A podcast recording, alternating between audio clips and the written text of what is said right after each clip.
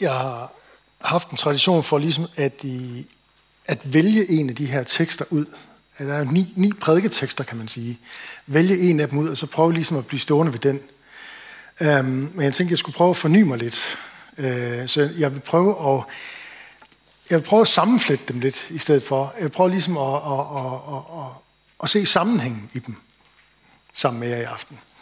Men jeg vil starte et helt andet sted. Det var sådan, at forleden, der kunne man i Avisen Danmark læse, at december måned, det er højsæson for drukne død. Hvert år, der bliver der fisket især mænd op af det kolde, mørke vand. I 2020, der var der 72 personer, der druknede. Og igen, de fleste af dem, det var mænd. Unge mænd, som i december måned, efter en bytur, skal tisse, lyner op, står og svejer lidt dernede på den øh, fugtige øh, havnemole, alene i mørket, har svært ved at holde balancen. Festen er slut, man er på vej hjem, og når man skal, så skal man. Og øh, det er en rigtig dårlig cocktail af mørke, alkohol og koldt vand. Og teorierne, de er flertallige. Der er nogen, der siger, at øh, grunden til, at det er, er primært er mænd, det er fordi, at mænd de er fuldere. Mænd er mere dumdristige. De har også øh, nemmere ved at gå alene hjem i nattelivet. Og når man skal, så skal man.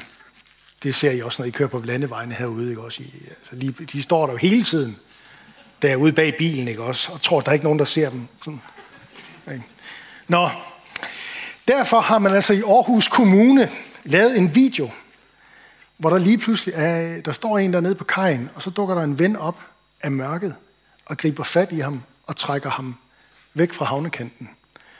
Og så lyder sloganet sådan her, og det er sådan noget, jeg har en, en svaghed for. Ikke også? Pas på dine gutter, når festen slutter. det synes jeg var meget fint lavet, ikke også?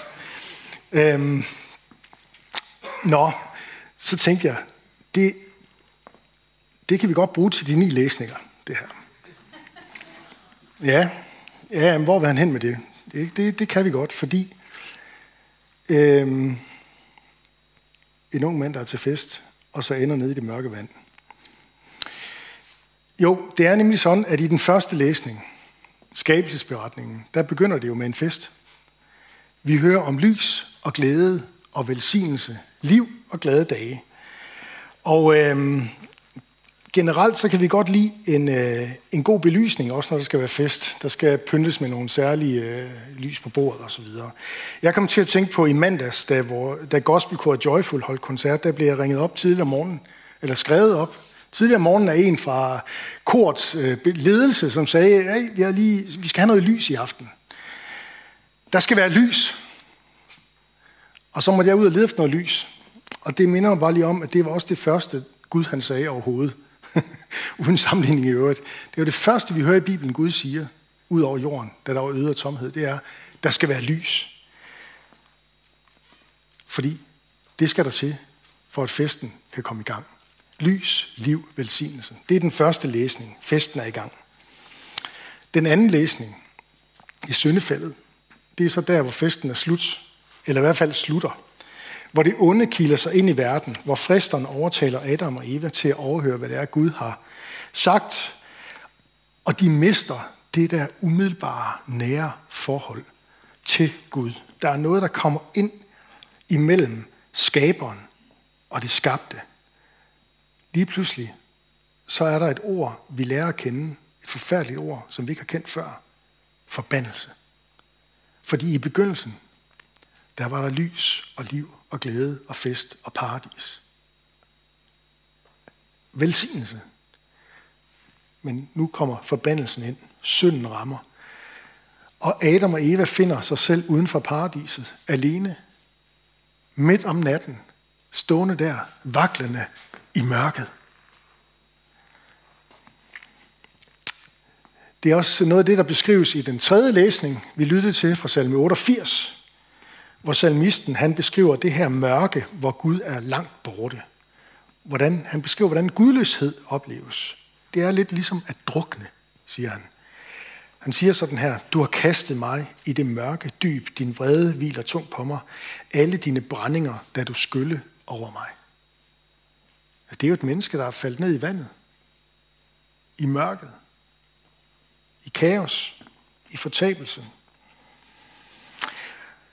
og der står det her spørgsmål meget tydeligt tilbage efter de indledende beretninger i Bibelen. Og det er, hvordan reddes vi op af dødens vande og tilbage ind i varmen og lyset igen?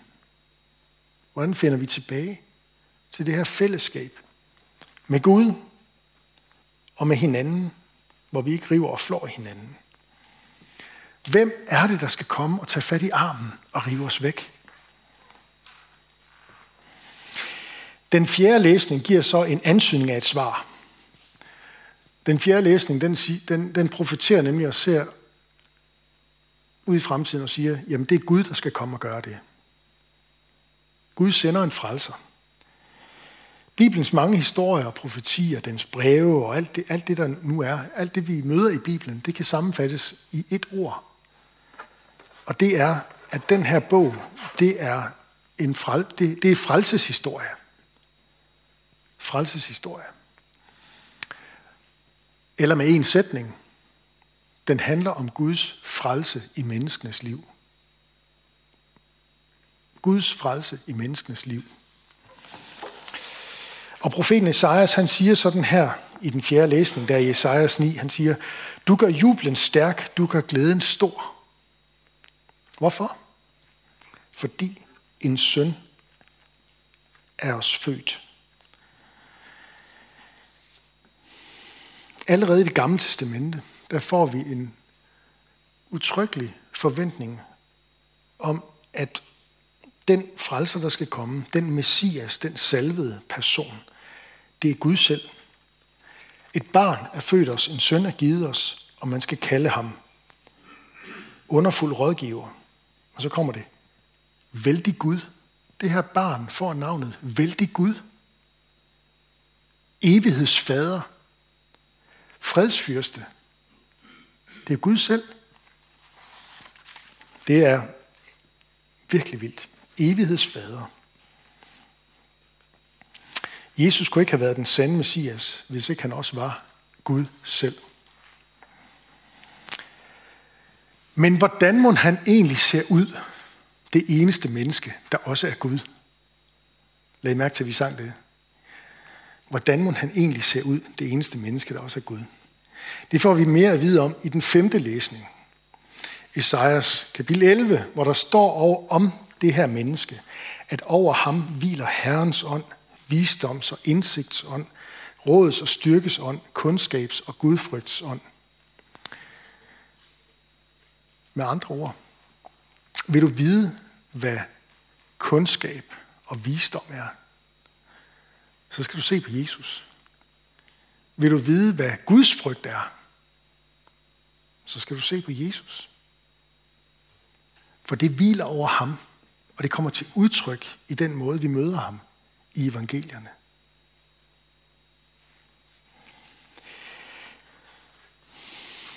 Så er vi ved den sjette læsning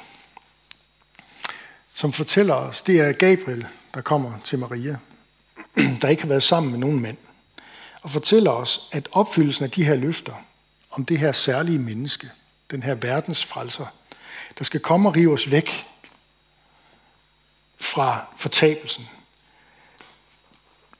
De løfter passer kun på et bestemt menneske, og hans navn det er Jesus.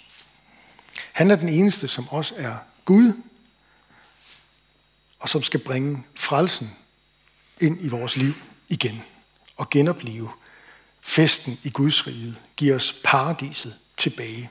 Sådan som englen siger det til mor Maria, der i den sjette læsning. Han siger, englen siger til Maria, du skal føde en søn, og du skal give ham navnet Jesus. Det er første gang, vi får at vide, hvad, den her, hvad Messias skal hedde. Han skal hedde Jesus. Herren frelser, betyder det. Og vi får også at vide, at han skal, og det er jo her, det bliver sådan helt svimlende, ikke også? Han skal undfanges uden en mands indblanden. ved Guds ånds kraft. Ikke på den konventionelle måde, som I godt kender til. Sådan som vi er kommet til verden. Men ved at blive plantet som et menneske, et lille menneske i Marias livmor. Englen siger til hende, Helligånden skal komme over dig, og den højeste kraft skal overskygge dig. Derfor skal det barn, der bliver født, også kaldes helligt Guds søn. Det er jo noget, som vi vil sige, videnskabeligt, biologisk og alt muligt, er det umuligt. Det kan ikke lade sig gøre. Og det er nok også derfor, at englen tilføjer, men for Gud er alting muligt. Pointen med, at der ikke er en mand indblandet, det er jo netop den, at som den første bliver der nu født et menneske, som ikke er blevet til, som det siges et andet sted i Nye Testamente, ved, ved, ved et menneskers vilje, eller ved køds vilje, men ved Guds ånd. Det vil sige, vi alle sammen et resultat af, at vores mor og far har været sammen. Og det er godt. Hvert barn er en lille, et lille mirakel, jo. Men der er et barn, der er et, der er et større mirakel. Og det er ham, der, kommer, der bliver til og bliver undfanget uden en far, men ved Helligåndens kraft. Vi andre, vi bærer nemlig, fordi vi har både en far og en mor, så bærer vi noget med os i slægten. Vi bærer en del af den der forbandelse, der hviler over Adam og Eva med op igennem historien. Og derfor så bliver den brudt allerede der. Den forbandelse. Den bliver brudt allerede der i livmoren.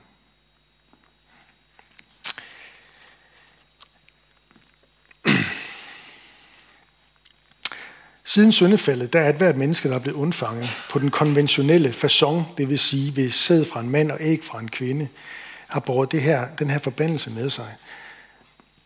Et hvert barn er et lille mirakel. Marias barn er det store mirakel. Jesus han er den, der dukker op ud af mørket. Og nu opsummerer jeg så lige 7., 8. og 9. læsning til slut her i et, fordi I kommer til og, og komme forhåbentlig i kirke den 24., den 25. og den 26. Og der er det det, det handler om jo. Det er de læsninger, vi får udlagt der. Ganske kort skal jeg bare lige slutte, hvor jeg startede med at sige, at Jesus han er på den måde, og det er derfor, jeg mente, at vi kunne bruge den her fortælling om de øh, øh, dumdristige mænd, ikke også, der falder ned i vandet. Jesus han er den, der dukker op pludseligt ud af mørket og tænder et lys og bringer liv og deler invitationer ud og trækker os tilbage fra fortabelsen ind til festen i Guds paradis. Han er det sande lys, siger Johannes.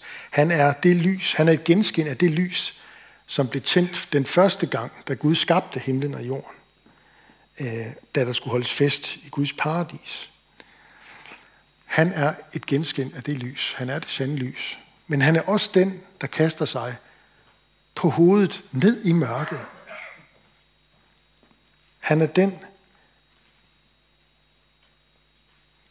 som bliver undfanget ved Helligånden, som synden ikke har nogen magt over, som forbandelsen ikke har nogen magt over, men som vælger at dykke ned i mørket og i forbandelsen, for at du ikke skal ende der som vælger at falde forover og lade døden omslutte sig, for at du ikke skal ende der. Apostlen Johannes han siger det på den måde, at lyset skinner i mørket, og mørket får ikke bugt med det. Det er Jesus, han taler om. Det er ham, som er lyset med stort L, lyset fra Guds rige. Det er ikke det elektriske lys, det er heller ikke månen og stjernerne og alle de der ting, for de bliver først skabt den fjerde dag. Men det lys, der bliver skabt af Guds ord den første dag, det er det lys, han er i genskin af. Lyset fra Guds rige. Det sande lys, som oplyser et hvert menneske, og som rækker, rækker Guds rige og frelsen til enhver, som sætter sin lid til hans udstrakte hånd. Lad os bede sammen. Jesus, vi takker dig for den her adventstid. Tak fordi, at vi kan øh, stoppe op og øh, få lov til at møde dig igennem dit ord, igennem det profeterne har lovet, igennem det, som evangelisterne øh, havde at sige, nu, nu er han kommet. Nu er du kommet, Jesus. Tak fordi, at vi kan få lov til at glæde os over det, og vi kan lægge vores røst oven i englenes kor, der lød ud over Bethlehems marker den første jul. Den lovsang, der lød der, og som er øh, fundamentet for alle vores julesalmer og vores juleglæde. Og vi beder om, at det er noget, som vi må, øh, at du vil stemme vores sind efter det i de kommende dage og uger. Sådan at vi må jage mørket og frygten på flugt, og øh, at du vil gøre det i vores hjerter, sådan at det hele ikke går op i, ja, heller ikke går op i øh, angst og kan vide, hvad der nu sker på det næste pressemøde, og jeg skal komme efter dig. Jesus, vi beder om, at den her jul, det må blive en jul, hvor vi glæder os over dig og din frelse, glæder os over dit nærvær her på jorden, glæder os over, at du aldrig nogensinde har, har forladt os. Det beder vi om i Jesu navn. Amen.